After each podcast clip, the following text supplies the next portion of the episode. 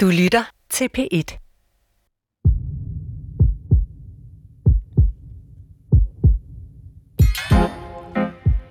Verden har eksisteret i mere end 4,5 milliarder år. Prøv lige nu at forestille dig, at vi koger den lange tidslinje ned til et enkelt år. Og nu står vi præcis på slaget midnat den 31. december og ser tilbage på det forgangne øh, klodeår. år. Så vil mennesket være opstået for 40 minutter siden, sådan for 200-300.000 øh, år siden. Og klokken øh, var på det tidspunkt 20 minutter over 11 om aftenen. Dinosaurerne, de kom så til verden omkring midt december, og de første flercellede væsener så solens lys i midt oktober. Men bakterierne, bakterierne opstod allerede på kloden fra midt marts, eller for 3,7 milliarder år siden, hvor cyanobakterier solede sig i ursuppen som de sande regenter af jorden.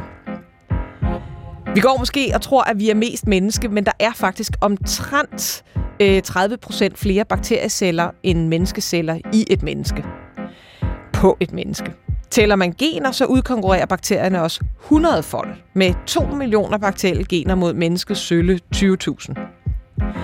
Men bare rolig, selvom du i virkeligheden er mere bakterie end menneske, så er der altså ingen grund til panik. Tværtimod, vi skal fejre bakterierne. De er evolutionens helte. Helt fra ursuppen og til nu har livet nemlig udviklet sig i tæt symbiose med bakterierne. Ja, faktisk så tæt, at øh, bakterierne er nogle af dem, som øh, gør, at vi har energi til vores celler i mitokondrierne. Sådan en livsvigtig energifabrik, øh, som vi slet ikke kan leve for uden, og som altså stammer fra en hedengang bakterie tip tip tip tip tip tip tip oldefar. Så bakterierne er altafgørende, ikke bare for dit og mit liv, men for alt liv. I dagens Sygt Nok fejrer vi alt det vilde, som bakterierne kan, og ikke mindst kriblekrablernes betydning for vores helbred og sygdom.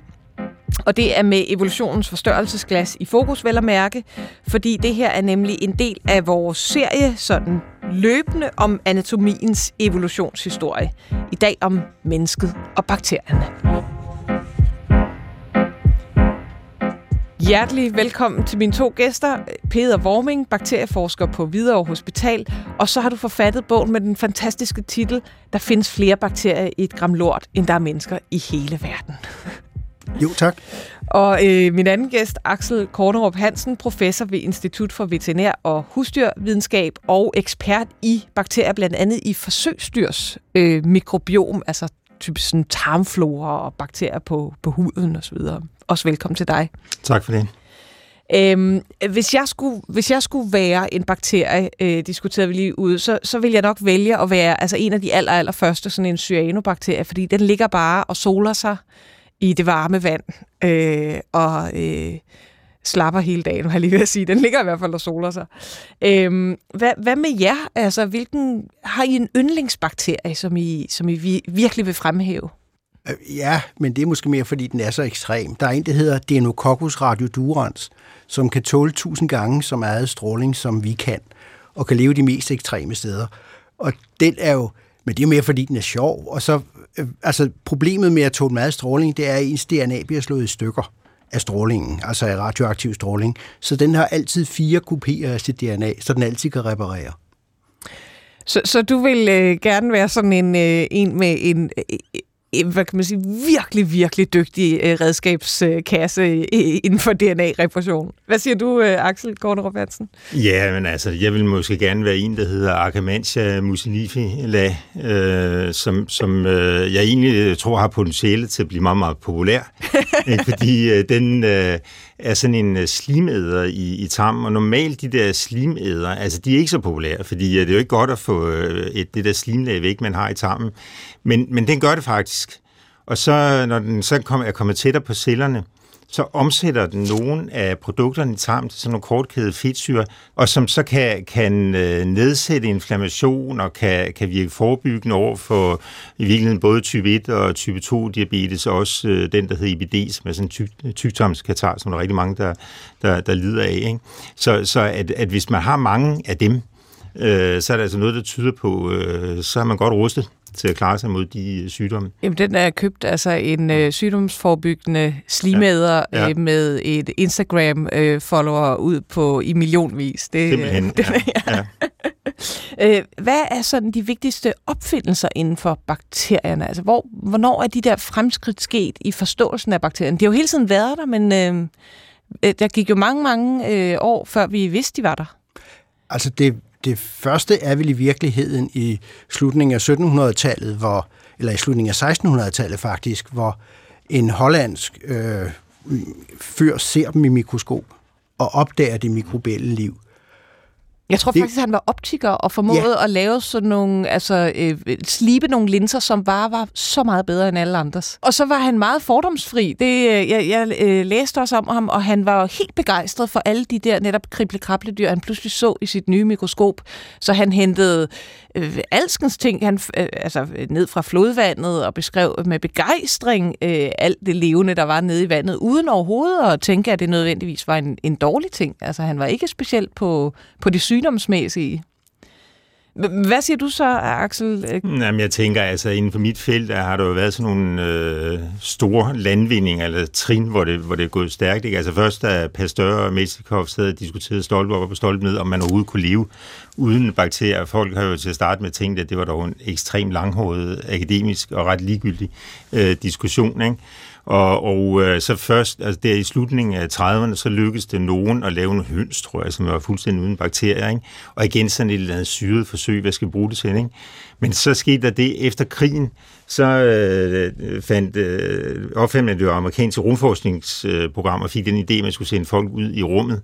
Og der fik øh, Notre Dame Universitetet altså nogle bevillinger, der ville få nogle af de der coronabevillinger til, til lignende småpenge i, i dag. Ikke?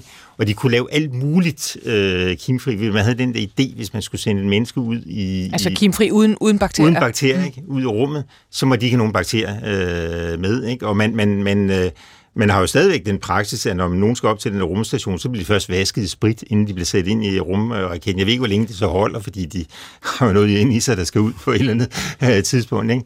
Men, men, men det var selvfølgelig en kæmpe landvinding, man så, at det kunne man faktisk godt, men der var en hel masse ting, som de her dyr ikke kunne, fordi de ikke havde, havde bakterier. Ikke? Og så vil jeg sige, at i min levetid har det så været, været det, da segmenteringen kom. Ikke? Altså da jeg skrev min øh, disputat, altså, så skrev jeg otte artikler om, hvordan man sandsynliggjorde en eller anden bestemt øh, bakterie fandtes inde i en øh, rotte. Ikke?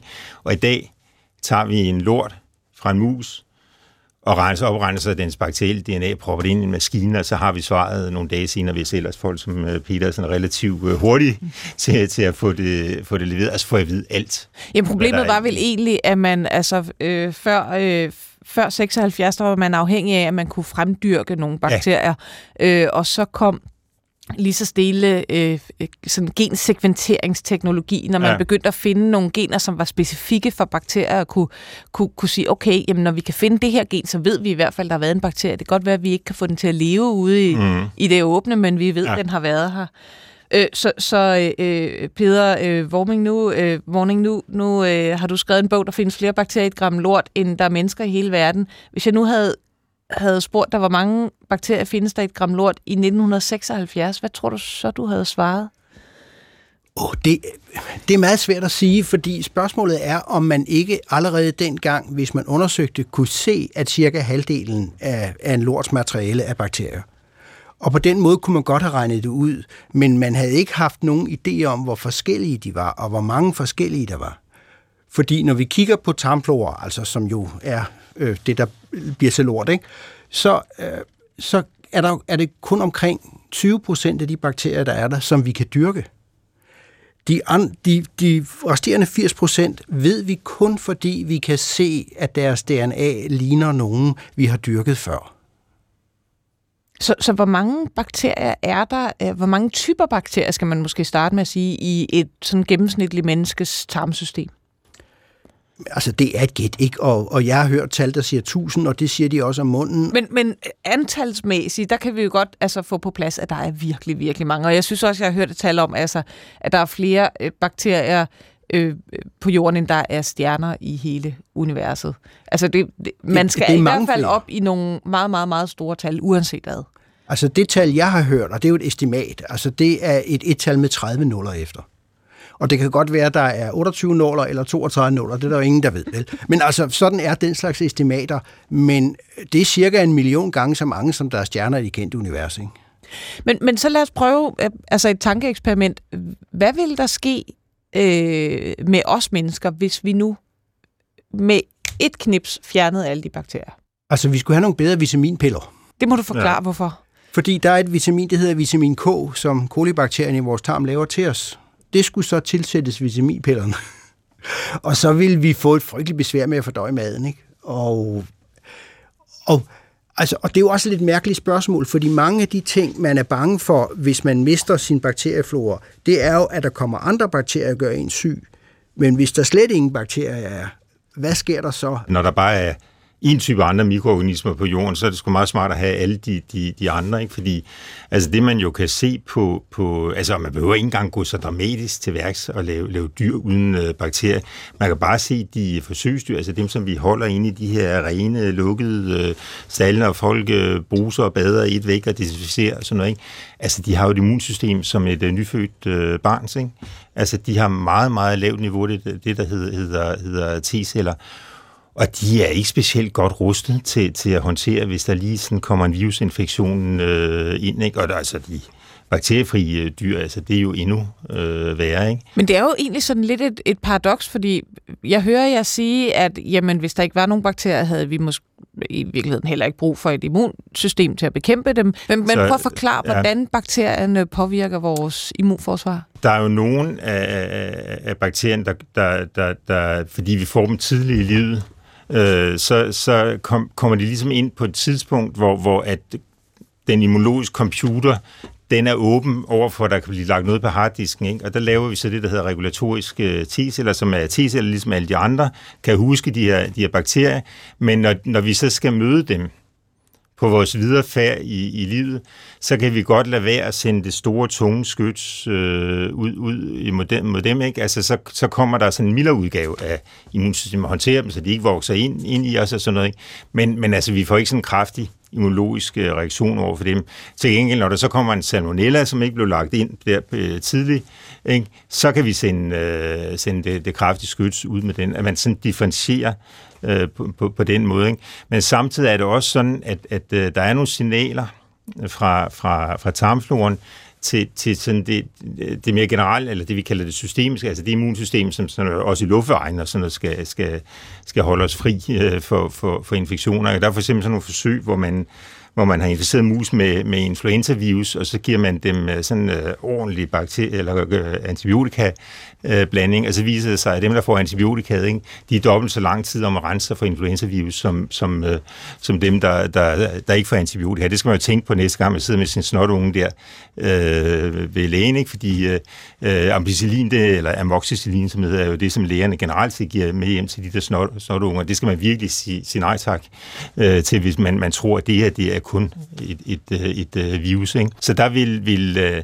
vil tarmbakterien være med til, til at, at holde immunsystemet op i et gear, der, der, der så også, når der så kommer nogle, nogle virus ind et andet sted, øh, slår til. Ikke? Ja, og, og så er der vel også noget med sådan at hvad kan vi sige, afbalancere immunsystemet. Det er ikke kun ja. at styrke det, men, men øh, eksempelvis øh, så øh, en af de bakterier, vi har aller, allermest af i tarmen, det er Fecalibacterium prausnitzi. Det er rigtigt, ja. Og den er, den er jo sat forbindelse med hvad kan man sige, et, et sundt fungerende ja. immunforsvar, sådan at, at folk, som har øh, det, der hedder inflammatorisk tarmsygdom, hvor, hvor immunforsvaret i virkeligheden går en lille smule amok på, på slimhinden i tarmen ja. og skaber sår og betændelse, betændelse, øh, at, at der ser det altså ud som om, at de måske faktisk ikke har hvad kan man sige, har et sundt respons på den bakterie, altså et, et immunforsvar, som overreagerer, øh, ja. måske på grund af mangel på en, en bakterie. Så, øh, så der er også noget at hente på den anden, øh, den anden vej. Jo, men det er jo måske også fordi, at immunsystemet ligger på en knivsæg. Mm. Fordi det skal være effektivt til at fjerne virus og bakterier, som vil gøre os syge. Men det skal ikke være så effektivt, at det reagerer mod os selv og det, der gør os gavn. Ikke? Og den er hårfin, den hele tiden. Og vi kan jo se det ved for eksempel, at børn, der er født med kejsersnit, har en højere allergihyppighed end børn, der er født normalt. Og det er jo fordi, deres bakterieflora er startet forkert. Ikke? Og sådan er det jo hele tiden. Og altså, nu... der, der, det er jo det første, de møder øh, på vejen ja. ud af den naturlige udmunding af øh, morens Ja, det er øh, skede og fæses. Ja. ja. og, og det møder de, og det er deres første tarmflora, og, og, og al vores tarmflora kommer jo ned den vej igennem munden, ikke? altså på et eller andet mm. tidspunkt. Ikke? Så, så, det, så det, immunsystemet er på en balance, og immunsystemet skal lære at finde sig i det, som er fremmed, men fornuftigt, og slå ned mod det, der er fremmed og farligt. Ikke? Mm. Og det... Men, men øh, Peter Warning, skal man så i virkeligheden som lille nyfødt foster, der bliver taget med kejsersnit, håbe, man møder en jordmor, som ikke har vasket hænder? Altså, der er sådan nogle historier om nogle jordmøder i gamle dage, som tog en handske på og førte ned i kvindens skrev, og så strøg over det nyfødte babys mund, når det var født med kejsersnit. Mm. Og, der, og jeg ved, der er folk, som arbejder på at udvikle en blanding af probiotiske bakterier, som man kan give børn, der er født ved kejsersnit. Jeg ved ikke, hvor langt de er kommet, men... Nå, det kan være, altså... du lige skal forklare probiotika. Jo, altså probiotika er levende bakterier, som øh, er, er tænkt som at være gode for vores helbred. Og man kan også give det, hvis man har fået en meget alvorlig antibiotikakur, fordi man er blevet helbredt for en eller anden vemmelig sygdom, hvor man har fået en kur, der er så voldsom, at den har slået ens tarmflora i stykker. Ikke? Og så kan man få noget probiotika bagefter. Der arbejdes en hel del på den slags. Så, så det er sådan noget mælkesyrebakterier, som vi ja. mener har en gavnlig effekt på øh, blandt andet på tarmen. Ja. Hvad så med huden? Fordi huden fremler også med bakterier. Axel, hvad, hvad ved man om, hvad hudbakterierne betyder? Ja, det, det sjove er, jo tættere vi, vi kommer på numsehullet, jo mere minder det jo om det, der er inde i, øh, i, øh, i tarmen. Ikke? Og, og jo, jo længere vi kommer fra, altså jo mere tilfældigt bliver det, og sådan noget, fordi altså virkelig, når vi snakker huden, altså så er vi uden for kroppens øh, barriere, ikke? Og, og det vil sige, at der, der er dyret jo håndter, øh, lavet til at kunne håndtere, hvad det skal være. Derfor vil det jo også meget være, være, så være betinget af, hvad der, hvad der er i miljøet. Ikke? Altså, der er, jo, der er jo en sjov ting. Altså, vi beskylder meget af svinene sådan noget for at være dem, der smitter med de her antibiotikaresistente staphylokokker og, og, og sådan noget. Og det gør de muligvis også. Men det er jo en kunstig ting fordi øh, de fleste dyr i naturen har slet ikke den øh, staphylokokke. Den er kommet fra fra, fra, fra mennesker. Ikke?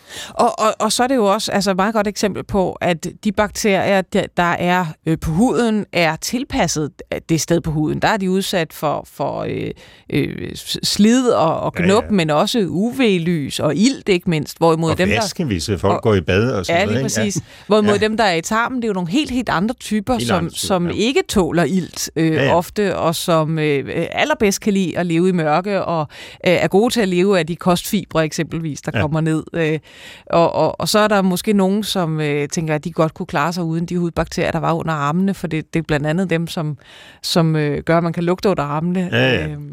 Øh, og at, at, at folk kan have forskellige lugt under armene.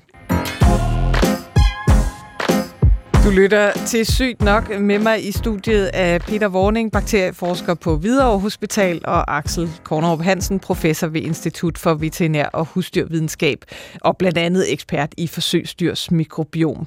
Øh, og vi snakker netop om mikrobiomet i en evolutionær øh, kontekst. Øhm, og hvis man lige skal prøve at snakke lidt evolution, øh, så, øh, så hintede jeg en lille smule i starten til, hvordan bakterier jamen egentlig er det, der gør, at vi er i live i dag. Jeg ved ikke, Peter Warning, kan du prøve at forklare, hvordan, hvordan startede det hele, da en bakterie skulle sige, kom, kom ind i, i en celle? Altså det man kan sige, det er, at livet startede jo på en eller anden mærkelig måde for cirka 4 milliarder år siden. Og, og de ældste spor, vi har, de er 3,8 milliarder år gamle, og det er lige så gammelt som de ældste klipper, vi har. Det vil sige, det er det ældste, vi har mulighed for at registrere. Men det kan ikke have været meget mere end 4 milliarder år, fordi der var jorden så varm og sted, glødende sten og sådan, og det passer jo ikke. Så det må være sket øh, på det tidspunkt. Og så har det været sådan nogle encellede bakterielignende organismer, og de har så udviklet sig, og det ser ud til, at de har været rimelig alene om det i, i næsten 2 milliarder år. Og så på et eller andet tidspunkt, så er der udviklet sig to forskellige grene af bakterier. Dem, som vi kalder bakterier, og dem, som vi kalder arkebakterier. De har så mødt hinanden en gang for cirka 2 milliarder år siden, hvor en arkebakterie har forsøgt at spise en almindelig bakterie. Og så altså optage den i sin celler og nedbryde den. Men så er det altså ikke lykkedes den at nedbryde den, men i stedet for har bakterien levet videre inde i den bakterie. Og så efterhånden har de ligesom tilpasset sig hinanden, og så har den overtaget energistofskiftet. Og den er så blevet til det, vi kalder mitokondrier i dag. Og, og langt de fleste af dens gener har den så afleveret ude hos, hos verden, så de er kommet ind. Men det er ligesom et eksempel på, hvordan det, vi kalder eukaryote celler eller højere celler, er blevet dannet. Og højere celler er kendetegnet ved, at de ligesom har mange rum, der er adskilt af membraner, mens en bakteriecelle, der er kun et rum. Altså det er ligesom indværelseslejlighed, hvor alt foregår i. Ikke? Mens en eukaryot, der er mange rum. Der er et rum til kernen, der er et rum til at lave energi, der er et rum til at lave proteiner, der er et rum til at fordøje ting, der kommer ind, der er et rum til at, at præparere ting, der skal ud. Så Ja, og så, og så netop så er der mitokondrierne, som er dem, ja. der i virkeligheden sørger for, at vi øh, de ordner, hver, hver enkelt celle laver energi, og ja. det er en bakterierest. Og det er en bakterierest, og man kan faktisk, den har stadig noget DNA i sig, og når man kigger på det DNA, så kan man se, hvor den hører hjemme blandt bakterierne. Og det er noget, der hedder alfa-proteobakterier. Og det er der, den hører hjemme. Og den ligner ret meget den bakterie, som i dag laver plettyfus. og, og, og, så er der, og så er der jo også noget andet, der laver energi, det er grønkorn i, ja. i, i planter, så, så alt det, vi går og spiser, det er jo også hvad kan man sige, bakteriederiveret. Øh, ja, fordi så kan man sige, den, de der så eukaryotceller, som opstod der for 2 milliarder år siden, så cirka en halv milliard år efter, man ved det ikke helt præcis, fordi det er jo svært at datere sådan en ting, der er der en eukaryotcelle, som har spist en cyanobakterie. Og en cyanobakterie, det er dem, der kan lave fotosyntese og ilt.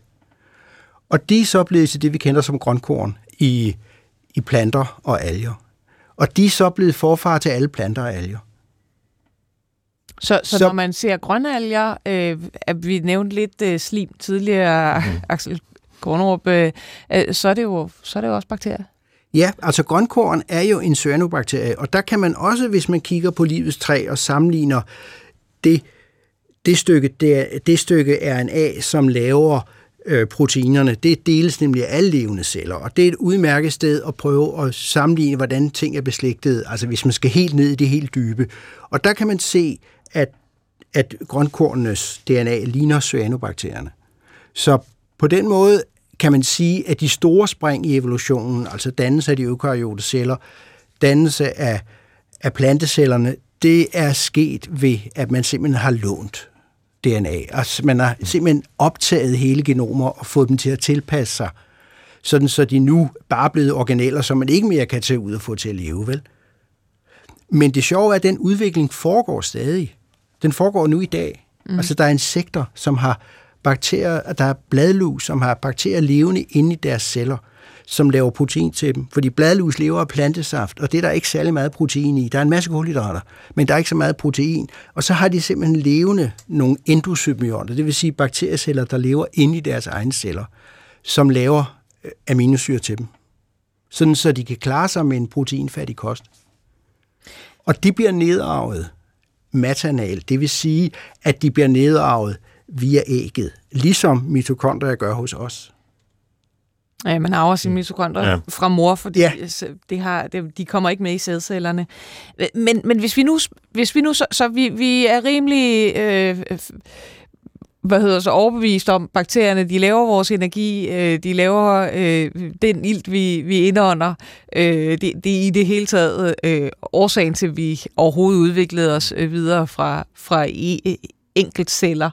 Øh, hvad så, hvad så altså, i, i menneskehedens historie her, øh, de sidste, de her 200-300.000 år. Hvordan har, hvordan har samudviklingen mellem bakterier og, og mennesker været?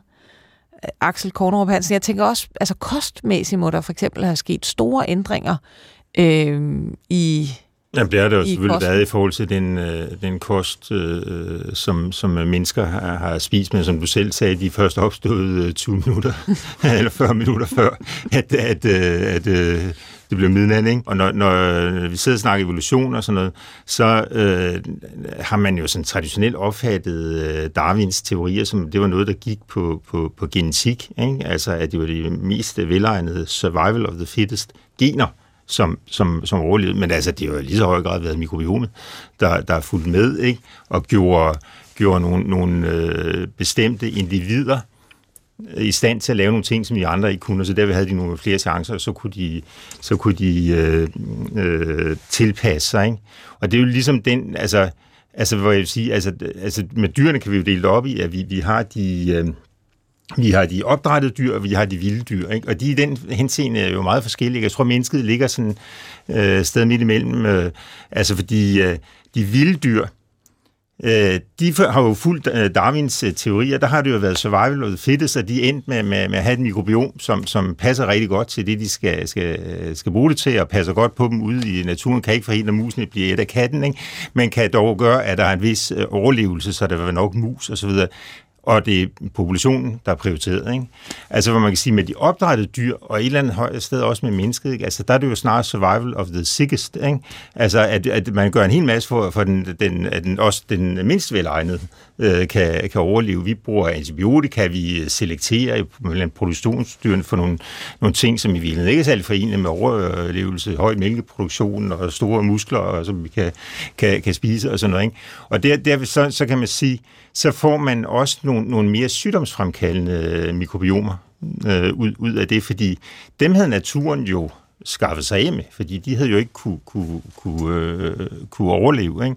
Og derfor vil, vil man se, Altså, når, altså det ekstreme er jo, når man sammenligner forsøgsmus med, med vilde øh, mus, men det gælder altså også produktionskrise og, og vildsvin og, og, og sådan noget. Ikke? Og, og hvordan så det er jo adskiller mikrobiomer, mikrobiomer de har. Ja, ja hvad, altså er det sådan, at forsøgsdyr så har øh, færre en, en, en ringere artsrigdom end ja, det har øh, vilde dyr? Helt, helt klart, de har ringere artsrigdom. De har rigtig, rigtig mange bakterier, hvis ikke de fleste af dem, som, som de har fået fra, fra mennesker, for hvor, hvor skulle bakterien ellers have kommet fra? De går ikke og ruder i jorden, hvor, hvor de hiver, hiver en masse bakterier op, så det er, det er færre typer af bakterier, og det, det er nogle andre typer, typer bakterier, end dem de vilde dyr vil, vil, vil have, altså som, som har langt flere bakterier, men som også adskiller sig i forhold til forskellige habitater, med, med, med hvordan de ser ud i de, de forskellige områder af, og, og det med rigdom, det er jo tit noget, der bliver fremhævet som værende noget, altså et, et tegn på øh, sundhed. Ja, jamen, sund helt, helt, helt hvis klart. Altså, det, alt hvis mange lige, forskellige slags, så, så beskytter så er det, det imod udviklingen af nogle af de her inflammatoriske øh, sygdomme. Ja.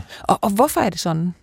Bredden i tarmfloraen, altså når man siger, at der er mange forskellige arter, ikke, og det anser man som et sundhedstegn, det er jo også et spørgsmål om robusthed, ikke, fordi der kan mm. ske et eller andet, hvis man mm. nu får altså en alvorlig halsbetændelse eller en lungebetændelse, og så får man noget penicillin, og så klarer man den, ikke? Så, så hvis man har en meget ensidig tarmflora, kan det være, at næsten alle sammen dør, ikke? Mm-hmm. Og så er man jo altså virkelig på... Ja, ja altså så er man ude at skide, ikke? På, på røven ja. øh, ja. godt gang. men, men hvad betyder det så, at vi øh, har så meget fokus på, øh, på hygiejne nu? Altså, det, øh, der er jo ikke en øh, person, der ikke går rundt med mundbind og spritter hænder nu. Altså, øh, øh, jeg tænker specifikt på, at der at i, især i 80'erne var, var oppe sådan, hvad kan man sige, hygiejnehypotesen, mm. ikke, blev den kaldt, at, at vi var blevet for renlige. Altså, vi skulle i virkeligheden have noget mere jord under neglene og ud og øh, dufte til nogle, øh, hvad ved jeg, nogle vilddyr og, og nogle, nogle hundevæksler og øh, spor i, i skoven osv. At, at, at, at vi havde introduceret for meget antibiotika, mm. for, for stor renlighed. Og nu er vi tilbage øh, og, og tør nærmest ikke at øh, gå uden for en dør, uden at have vasket hænder tre gange. Når man først øh, har fået sådan en tarmflora, ikke? altså vi vil jo gerne lave om på den øh, senere hen, det er faktisk ret svært, ikke? fordi det er jo spillet ind i immunsystemets øh, computer, hvad, hvad det vil acceptere. Ikke? Altså, så det er jo der, hvor det netop er vuggestuebørnene, øh, ikke? Og sådan noget. Altså, der tror jeg, at man får et problem, ikke? Altså, hvis, hvis, hvis man øh, har alt for rigid hygiejne, ikke? Ja, for det har vel også været øh, oppe som kritikpunkt af hygiejne øh, hypotesen, at, øh, at det jo ikke det er jo ikke nødvendigvis sundt for børn at være syge. Altså, øh, altså sådan en eller anden misforstået af, at man skal endelig have så mange sygdomme som muligt. Det, det ved vi jo fra, de fra børn, som har altså, di- diarré og så videre, øh, at det, det, det, er jo ikke, det er jo ikke sundt at være syg. Det er vel mere det at, at udsætte sit immunforsvar for nogle øh, forskellige bakterier, som ikke nødvendigvis... Jamen, der er nogle andre ting, der gør, om de bliver, bliver, bliver syge, ikke? fordi øh, altså, altså, altså, barnet kan jo ikke vokse op i en verden og aldrig nogensinde møde de her ting øh, senere hen. Ikke? Så det handler jo også om, hvordan man udsætter dem øh, for det. Ikke? Altså hvis, hvis, øh, hvis man, øh, altså, altså de skulle egentlig meget sammenligne med produktionsdyr, ikke? Hvor, hvor, hvor i virkeligheden så kommer mange problemer, fordi man mokker dem sammen. Altså hvis, hvis vi sammenligner sådan tre typer af, af mus, så kan vi tage dyrehændsmus, vi kan tage de vilde mus, og vi kan tage tage, tage forsøgsmusen. Altså, forsøgsmusen har jo dybest set ikke nogen, nogen øh, tese, eller det er i hvert fald meget, meget lidt. Ikke? I den anden ende, der finder vi dyrhandelsmusen. De mokker sammen i nogle små øh, kasser indendørs med dårlig ventilation. Ikke? Og de vilde mus, de ligger sådan et sted midt imellem. De har alle de der infektioner, ikke? Altså, som, øh, som, som giver, giver de her sygdomme, men de har meget, meget lavere niveau af T-celler. Ikke? Og derfor tror jeg, at mange, mange af problemerne øh, øh, i, i, øh, i vuggestuer og øh, børnehaver og sådan noget, er så også fordi, øh, at man ikke sørger for, at de får dem i passende doser. Ikke? Altså, at, at, at, at det foregår indendørs, og de er rigtig mange på, på, på stuen. Ikke? Altså, så, altså, min personlige holdning er, i stedet for at rende og, og vaske legetøj af, når de har børnesår og, og, og sådan noget, ikke? og så det, næste dag, så kommer der 30 øh, børn igen med fuldstændig samme bakterier og begynder at fedte det til, ikke? det er at give dem noget plads og lade dem komme, øh, komme uden, udendørs. Ikke? Altså, så, så, så man har de ting, som de skal møde, men de får, får det en, en lavere øh, dosis. Altså i virkeligheden sådan i en dosis, hvor man ikke bliver syg af det, men hvor man øh, lige hvor træner, træner kan håndtere det og blive ja. trænet af det og lave T-celler og så videre. Ja hygiejne forebygger jo sygdomme, men en ekstrem hygiejne øh, gør jo også vores verden kunstig, og måske gør os mere sårbare over for allergiske sygdomme. Ikke? Altså, så det er, det, det, altså, der er ikke noget enkelt svar på det. Det er vel også, som, som du nævnte, øh, Peter øh, Vorning, at, at det er en øh, ekstrem fin balance. Så man nævner tit, at ja, mennesker og bakterier lever i en symbiose, og vi skal være glade for de bakterier, vi har, men vi lever måske i virkeligheden i, altså på en knivsæg, hvor, øh, øh, hvor vi kan tippe øh, den forkerte vej. Øh, så, mm. altså, så, så det er ikke nødvendigvis udelukkende godt med de bakterier. De kan sagtens gøre syge, også nogen, som ellers normalvis ikke gør syge. Ja, og så lever vi også i en helt anden verden, end den, vi er udviklet i. Ikke? Fordi vi er jo udviklet som jæger og samlere. Vi har måske været her 200.000 år, ikke? og vi har haft byer i, i 3.000 år. Ikke? Altså, og, og, og vi har haft det moderne samfund med penicillin i 70 år. Ikke? Mm. Altså, det betyder, at det samfund, vi lever i, er væsentligt forskelligt fra det, som vores kroppe er optimeret til at leve i. Og det er jo derfor, vi ser de der mærkværdigheder, ikke? Jo, jo, og nu snakker vi evolution, ikke? At ja, der er jo, vi, det går vi har jo udviklet os øh, sammen med nogle bakterier, når man så lige pludselig introducerer noget, som for eksempel øh, penicillin, øh, som har evnen til at slå en hel masse tarmbakterier ned, jamen så pludselig så får Clostridium difficile, som er en tarmbakterie, der øh, i øvrigt forekommer helt naturligt normalvis mm. i tarmen, men i meget lav mængde, så pludselig kan den vokse op øh, og, og, og give, øh, give os en, en virkelig svær, meget alvorlig øh, tarm, øh, tarmbetændelse. Øh, så, så det er jo også, altså det svarer til et, et ellers velfungerende ægteskab, hvor den ene lige pludselig går ud og roller udenom, og så ja, det, kan, det kan man, man godt uh, sammenligne det, det med. Men derfor tror jeg stadigvæk, at man kan, man kan kigge på, hvad er så det mest hensigtsmæssige at, at uh, gøre? Ikke? Og der tror jeg, at det, det mest hensigtsmæssige er, at alle de der forkølelsesvirus og sådan noget, som vi skal udsættes for, at dem bliver vi udsat for udendørs og i, i en pæn afstand fra, fra, fra hinanden. Ikke?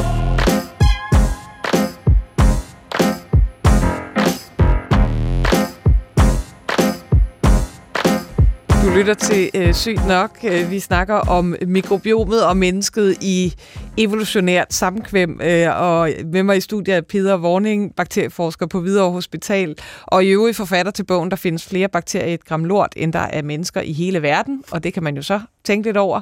Og Axel Kornerup Hansen, professor ved Institut for Veterinær og Husdyrvidenskab på Københavns Universitet. Øh, og øh, vi har allerede løftet en lille smule sløret for sådan, hvad, hvad bakterier kan give af sygdom, altså hvis den her balance tipper over. Men, men tit så, når man snakker om bakteriers sygdom, så fokuserer man på bakterier, altså difteri, øh, øh whatever, bakterie, øh, øh udløst lungebetændelse osv. Men, men inden for de seneste år er der jo begyndt at komme noget rigtig spændende forskning omkring, hvordan hvad kan man sige, en mere øh, komplet bakterieflora, eller mikrobiomet, som man også kan kalde det, associerer med forskellige sygdomme. Øh, så har man undersøgt mennesker øh, med type 2-diabetes, ja. så for eksempel fundet, jamen øh, tarmmikrobiomet, de bakterier, der er i, i tarmen samlet set, øh, er der eksempelvis en færre, en, en, en lavere artsrigdom, men der er også tendens til, at der er nogle arter, som mm. findes øh, mere end folk uden øh, type 2-diabetes. Så ja. det samme har man jo fundet for jamen, øh, så forskelligt som Alzheimer's og overvægt og øh, depression. Jeg tror snart ikke, der er øh, den kroniske sygdom, der ikke er undersøgt rent mikrobiommæssigt. Altså, der er jo et alvorligt problem med den slags, og det prøver man selvfølgelig at tage højde for, hvad det er, men nogle af de grupper, man taler om, er jo ret hæftigt medicineret. Og det har jo også en effekt på klart, den ja. flora, de har. Og det prøver man selvfølgelig at tage ud, men jeg tror, det er svært at tage det rigtigt ud. Jo, og så er det svært vel også, at mange af de studier, der er, det er jo det, man kalder associationsstudier. Altså man kan se, der er en sammenhæng mellem eksempelvis øh, BMI, vægt, mm. og så øh, mikrobiomet. Men man ved jo ikke, om det er øh, den kost, man giver mikrobiomet, som ændrer mikrobiomet og også i øvrigt fører til overvægt, eller om det er et særligt mikrobiom, der gør, at man øh, eksempelvis optager øh, mere energi eller bliver dårligere til at til at forbrænde. Ja, men der vil jeg sige, at man alligevel, øh, altså fordi det er rigtigt, det er kørt i sådan nogle, nogle øh, trin, altså det er lige omkring år 1000 skiftet, da det virkelig tog, tog fart, lige efter med, med, med sekvensering og sådan noget, så var man jo vildt begejstret bare for, at man kunne, kunne identificere alle de her øh, bakterier, ikke? Altså, hvor man så, så begyndte at relatere den til sygdom, ikke? og nu er man også derinde, nu er man snart træt af at høre om, hvad der så relateret til bestemte sygdom. Nu vil vi gerne have nogle løsninger på, på hvad, hvad, hvad kan man gøre, gøre, gøre ved det. Ikke? Så, så altså, man, man kan jo se, at, at altså, altså sådan, sådan et, et af de forsøg, der blev lavet der i den øh, tidlige øh, del af det her årtusind, altså var jo, at en amerikaner, han, han tog de her bakteriefri mus, ikke? og så tog han øh, lort fra fedemus og lort fra, fra slangemus og gav til de her bakteriefri mus, og så fulgte det med. Ikke? Året efter så Anne Vries ned på Amsterdam Medical Center, hun gjorde så det samme med mennesker. Hun tog nogle øh, enormt syge mennesker, og så skyllede hun der, deres øh, tarmflod ud, og så, og så fik de så, øh, så lort fra, fra henholdsvis tykke og, og tynde, og det viser, at ikke helt så kraftigt som musen, men at der var sådan nogenlunde den samme effekt. Det holdt sig i seks uger, så havde immunsystemet skruet det tilbage til der, hvor, hvor det skulle, øh, skulle, skulle, skulle være. Ikke? Så der kan man jo se, at i og med, at de mennesker jo sådan set fik det samme, at spise, og musene fik det samme at spise, at, at, at der er en kausal ting i, i, i mikrobiomet. Ikke? Og man kunne godt bruge nogle af de der introtyper, som man, man kalder det inden for fedme og type 2-diabetes, så det var man ikke ansat til at skrine folk igennem. Altså se, introtyper, det, det er ja, det der med, at, de at, at vi deler dem op i forskellige, at, at så der har man, man øh, den her samling af bakterier, med den her samling af bakterier, den her samling, det er sådan lidt kunstigt, fordi altså, det er unikt for, for hvert enkelt menneske. Ikke? Men kunne man jo godt øh, bruge til, til at sige, om folk var i større eller mindre risiko for, for, for at få nogle, nogle bestemte øh, sygdomme. Ikke? det er jo meget komplekst, den der sammenhæng mellem, mellem sygdom og sundhed og, og tarmflora, men, men der er jo også nogle evolutionære tegn på, at det i hvert fald er vigtigt. Mm. Altså, fordi der er jo i, i modermælk, der er nogle sukkerarter, som babyen ikke kan fordøje. Og de er simpelthen mad til blandt andet bifidobakterierne mm. i babyens tarm.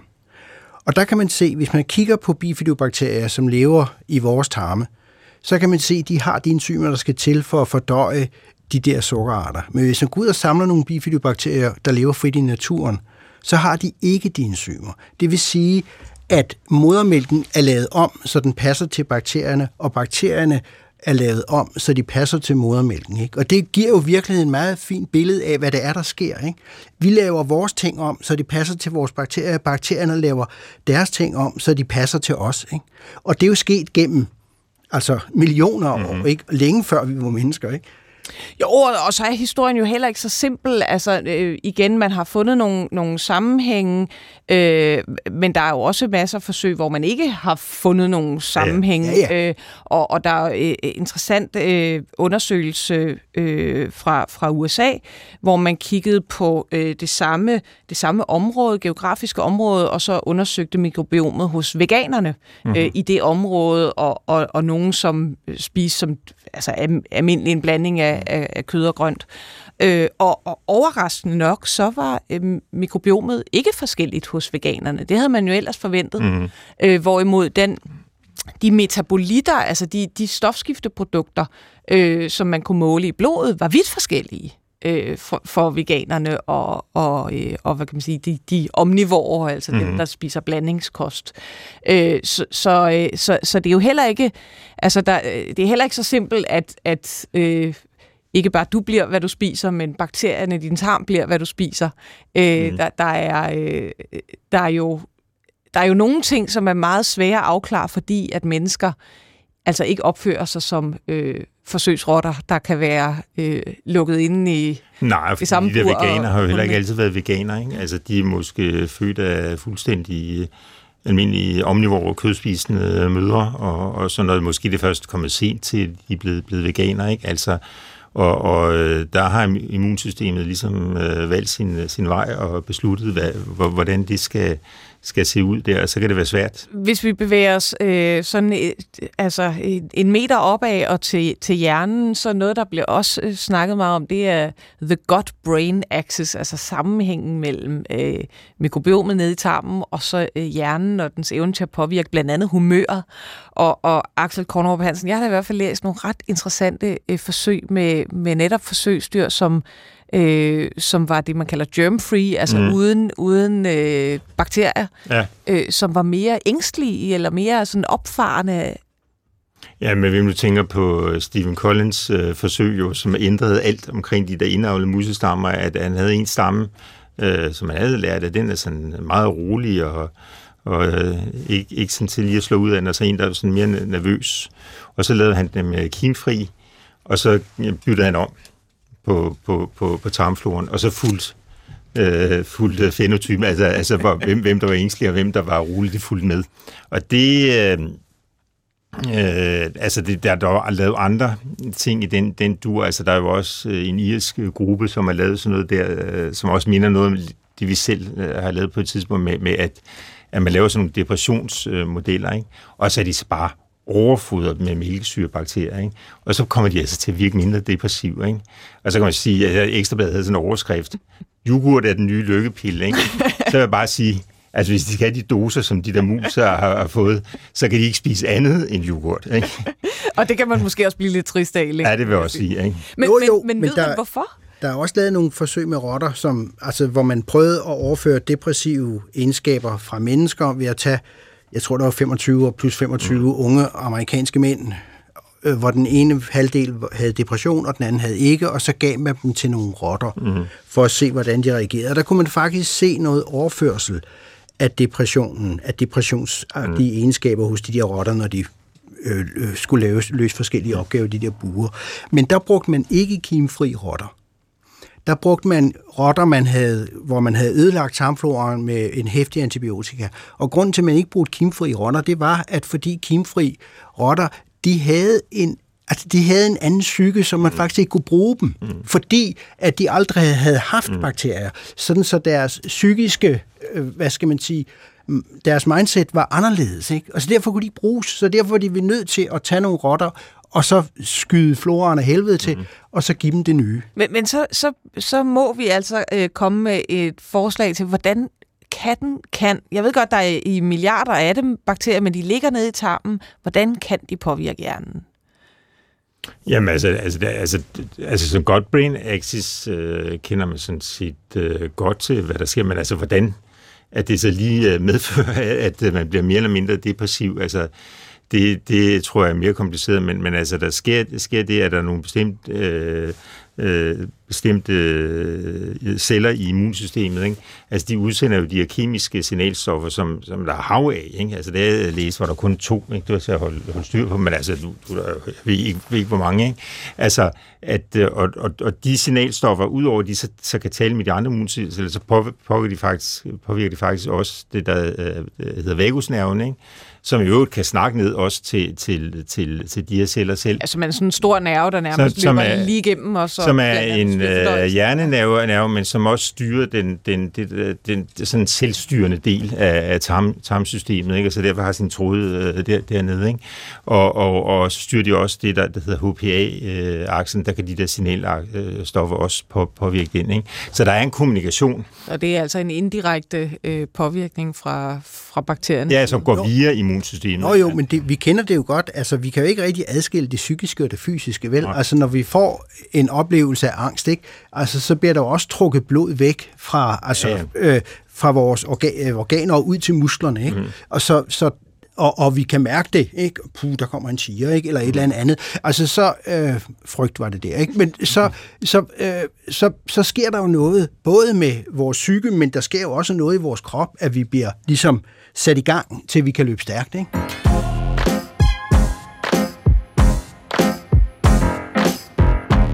Lytter til øh, Sygt nok. Øh, mit navn er Maja Thiele, og med i studiet er Peter Vorning, bakterieforsker på Hvidovre Hospital, og Axel Kornerup Hansen, professor ved Institut for Veterinær og Husdyrvidenskab på Københavns Universitet. Og vi snakker om mikrobiomet, særligt mikrobiomet i evolutionsmæssig sammenhæng, øh, som led i vores sådan, lille serie en gang imellem om anatomiens evolutionshistorie. Og, og hvis vi nu øh, efterlader øh, evolutionen bag os og ser lidt frem i stedet, øh, vi har allerede slået lidt hul på, at der, det er jo, man er jo slet ikke færdig med at undersøge mikrobiomet. Hvad ser I sådan de næste 5-10 år? Hvad skal der ske for at, at komme til bunds i, hvad mikrobiomet, ikke bare det på, i vores tarm, men også det på huden, hvad det betyder for menneskers øh, sundhed og, og, og krop i øvrigt? Altså 5-10 år nok lidt let. Mm. Det vil nok kræve længere, fordi det er jo først lige startet. Ikke? Altså det er jo startet omkring øh, 2005 eller sådan noget, hvor de første studier, hvor man begyndte at sekventere DNA. Og det har jo betydet utrolig meget, fordi man opdagede en, rig, en stor usynlig verden. Altså en masse bakterier, som man ikke kan dyrke, og som man ikke anede var der. Og pludselig så man dem, og så lavede man de der første forsøg, hvor man lavede det der med de fede mus og de tynde mus, og så, at det rent faktisk havde en kausal effekt, og man lavede alle de der humørstudier, så, og, og også de der betydninger af, hvor meget der er, og hvor forskelligt det er. Ikke? Så, og der lavede man det der Human Microbiome Project, som var sådan et kæmpestort mm. øh, øh, projekt, amerikansk projekt, ikke? Øh, Ja, hvor man kortlagde, ja. hvilke bakterier er ja. hvor. Mm. Og det man kan sige, det vi er kommet til nu, det er sådan mere en eftertænksomhed, ikke? fordi der er jo enormt mange sensationer i det der, og, og, og der er jo mange ekstrabladsoverskrifter, ikke? som Jokurt er den nye lykkepille og ja. den slags, ikke? hvor vi måske så også prøver lige at tænke os om, hvad, hvad, hvad kommer det til at betyde? Men en af de ting, som jeg tror kommer til at ske, det er du der, hvor jeg arbejder på hospitalerne, det er, at det bliver mere almindeligt, mere og mere almindeligt at lave en mikrobiomanalyse af patienterne. Ja. Hvis man har en, fordi det kan være, at den kan vise noget, som vi ikke har kunnet se før. Men, men skal man ikke også altså, øh, forsøge at manipulere mikrobiomet? Altså hvis man har en idé om, hvilke de gavnlige bakterier er, og hvilke de uheldige bakterier er, er det så ikke også et, et fornuftigt skridt at sige, jamen, hvad sker der, hvis vi forsøger rent faktisk at Måske ikke at give bare lidt yoghurt til de Det gør man jo allerede. Altså, vi har jo det, der hedder festtransplantation, mm. som man giver de der Clostridium difficile diarréer. Mm. Som, som er, er en det, meget svær tarmsygdom, men det er jo men, ikke det samme som... Nej, nej, men det man gør, det er, man jo, man har jo en korps af lortedonorer, mm. som kommer ind og lægger en pølse, og så tager man det og oplyser det i vand og sprøjter det op bag i hos de mennesker, der har den diarré. Og det, og det virker. Og det er jo også en måde at manipulere tarmfloren. Altså, den er sådan meget grovkornet, ikke? Det, det er jo, jo, og en... det er en sygdom, som man potentielt kan dø af, så ja. der er rimelig stort behov for at gøre noget. Øh, hvorimod, hvis man siger, jamen, type 2-diabetes, det, det er jo, man skal også måske lige være lidt påpasselig med at, at fylde øh, et ja, men det, i øvrigt rask menneske med nogle andre menneskers tarmflora. Der var, der var også en, fordi Clostridium difficile er jo som regel opstået, fordi øh, der er nogle læger, der har givet antibiotika og sådan noget, ikke? Og, og så skruer man tiden tilbage til det, til det normale. Ikke? Altså type 2-diabetes og IBD og, og sådan nogle opstår jo, fordi øh, immunsystemet og bakterierne har fået galt fat i hinanden. Ikke? Og det problem løser man ikke nødvendigvis grundlæggende ved, ved at komme og give nogle bedre bakterier. Så det virker sådan set også at lave de fæsestransplantationer på IBD. Det virker bare ikke så længe, ikke? og derfor skal de, skal de have, have flere. Ikke? Og det vi snakker lige om anavrasis øh, transplantationer på de her fede, fede mennesker, det holdt i seks uger. Ikke? Altså, og det er måske nok lidt voldsomt, ikke? Altså, folk skal komme hver 6. uge igennem den, den, øh, den be- behandling. Ikke? Øh, skal vi lige øh, slutte af med lidt, øh, lidt myter, fordi det, det er jo nogle gange sjovt at tage, tage nogle, nogle fordomme frem, som kan be- eller afkræftes. Øh, det må I jo om. Mm. Øh, hvis jeg nu øh, spytter nogle... Øh, øh, hvad hedder sådan nogle, nogle udsagn ud, så må I jo sige, om I synes, det passer eller ej. Øh, hvis vi siger, der findes gode og onde bakterier. Det kommer lidt an på, hvad de skal bruges øh, til. Ikke? Øh, altså, øh, altså det, det er klart, at i relation til bestemte sygdomme kunne man jo godt øh, sige det, men faktisk øh, er der nogen at, at de bakterier, der, der, der findes, der vil være, altså hvis vi har dem, er det dårligt for, for, for, øh, i forhold til at få type 1-diabetes, men det er godt i forhold til at undgå for eksempel at få, få børneeksem, ikke? Altså fordi det er faktisk to de forskellige dele af, af immunsystemet, ikke? Og så er det også meget svært at skelne mellem øh, symbiose og, og, og, og sygdom. Ja. Fordi den der grænse er hårfin, og der er nogen, som for nogen virker som øh, samarbejdende, og for andre virker sygdomsfremkaldende. Men der er selvfølgelig nogen. Mycobacterium tuberculosis, ja. Yersinia pestis, Vibro kolera. Altså, det er jo ikke hyggeunger, vel? ved nok godt, det handler om tuberkulose sige, og kolera og pest. Ja. Der findes nogen, hvor det er meget svært at få øje på deres positive. Ja, og sådan kan det også være blandt ja. mennesker. Ja. Øh, nå, vi tager lige, vi går hurtigt videre. Øhm, skal man spise 7 kilo skidt om året? Jeg tror, man skal spise dem, når man er barn, eller når man er ung. Ja. Altså, øh, øh, man skal spise fornuftigt, og, og hvis der er lidt jord på, så gør det ikke noget, vel? Nej. Altså, det, der, det er ubehageligt, men der er jord på, det er det knaser mellem tænderne, ikke? man skal undgå de store sten. øhm, vi, vi tager den næste. Øh, fæsestransplantation kan fjerne ens overvægt, diabetes, irritabel tyktarm med videre. Hvem tør begive sig ud i det? Det tror jeg er for simpelt. Fordi, altså, irritabel tyktarm, viser sig måske at være mange forskellige sygdomme. Altså den har bare, altså det er ligesom type diabetes kan være type 1 og type 2. De har de samme symptomer, men de har en vidt forskellig årsag. Mm. Og det samme med nogle af de der øh, inflammatoriske tarmsygdomme, altså betændelses i tarmen, ikke? de kan skylde mange forskellige ting. Og der for nogle patienter, der hjælper en fæsestransplantation, for andre gør det ikke. Mm. Altså lige for irritabel tyktarm, der har man jo faktisk lavet et, et lodtrækningsstudie, øh, hvor det ikke havde nogen effekt. Tværtimod fik folk lidt mere maverumlen, mm. øh, end de havde i forvejen. Så, så lige der var der ikke noget sådan oplagt at hente. Men jeg tror også, det er afgørende netop det der, at, at øh, altså hvis man ikke samtidig får, får ændret inde på nogle af de andre faktorer, eller på noget af det, der er galt i immunsystemet, så hjælper det jo ikke noget og kommer og præsentere sammen for nogle, nogle bakterier, som immunsystemet knaller ud øh, dagen efter, man, man har, har, har givet dem. Ikke? At man så, rammer voksenalderen, og så er skaden ligesom sket? Ja, fordi der, der, der, der skal man i hvert fald have fat i, og så få, få skabt noget ny tolerance, og det er ret svært i tarmen. Det er faktisk meget nemmere i luftvejene at, at, at skabe tolerance, så hvis man vil have, have gjort... Uh, gjort øh, dyrene sådan tolerante over for nogle af de elementer, der er i tarmen, så drøber vi ind i næsen øh, på dem, ikke? fordi så kan de lave nogle regulatoriske øh, T-celler. Og det var ikke en opfordring til at gøre Nej, det, det, det skal man nok lade, lade være med, men, men jeg siger bare, at det er svært, det er svært at lave, lave om på. Ja. Hvad, hvad, vi tager lige en til. Probiotika hjælper bakterierne i tarmen?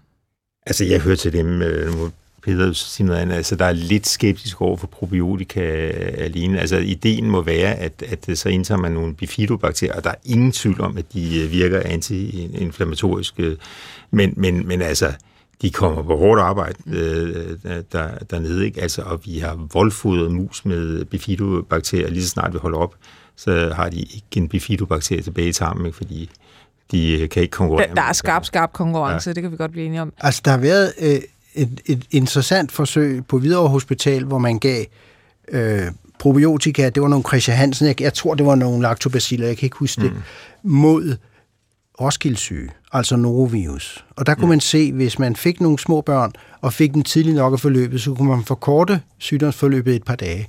Mm. Det er jo meget mærkeligt, fordi norovirus er en virus, mm. og ikke en bakterie. Så på en eller anden måde har de der lactobaciller måske øh, ændret immunsystemet og ændret tarmens stabilitet, sådan så at norovirus-sygdommen, roskildesygen, endte før. Ikke?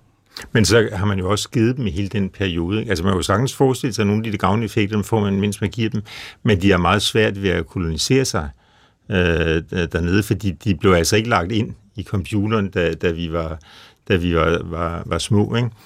Øh, og i øvrigt har alle de andre bakterier dernede taget alle de gode øh, pladser, men hvis vi sådan øh, løbende fodrer øh, med dem. Ikke? Altså, men man kunne forestille sig en kombination af de produkter, findes jo også allerede, altså, hvor man giver probiotika sammen med nogle af de her kortkædede sukkerstoffer, som så giver dem fordel, fordi man fodrer dem. Altså man giver maden til bakterierne. Man giver maden til bakterierne. Ja, ja. Jamen, øh, det var altså de sidste ord for i dag. Det sluttede med bakterierne og deres madpakke. Øh, tusind tak til mine to gæster. Øh, Peter Vorning, bakterieforsker på Hvidovre Hospital og forfatter til bogen Der findes flere bakterier i et gram lort, end der er mennesker i hele verden. Og Axel Kornrup Hansen, professor ved Institut for Veterinær og Husdyrvidenskab på Københavns Universitet. Mit navn er Maja Thiele, og programmet i dag blev produceret af Victoria Tuvino. Hvis I har kommentarer, så vil vi finde på sygnoksnabelag.dr.dk på genhør næste uge.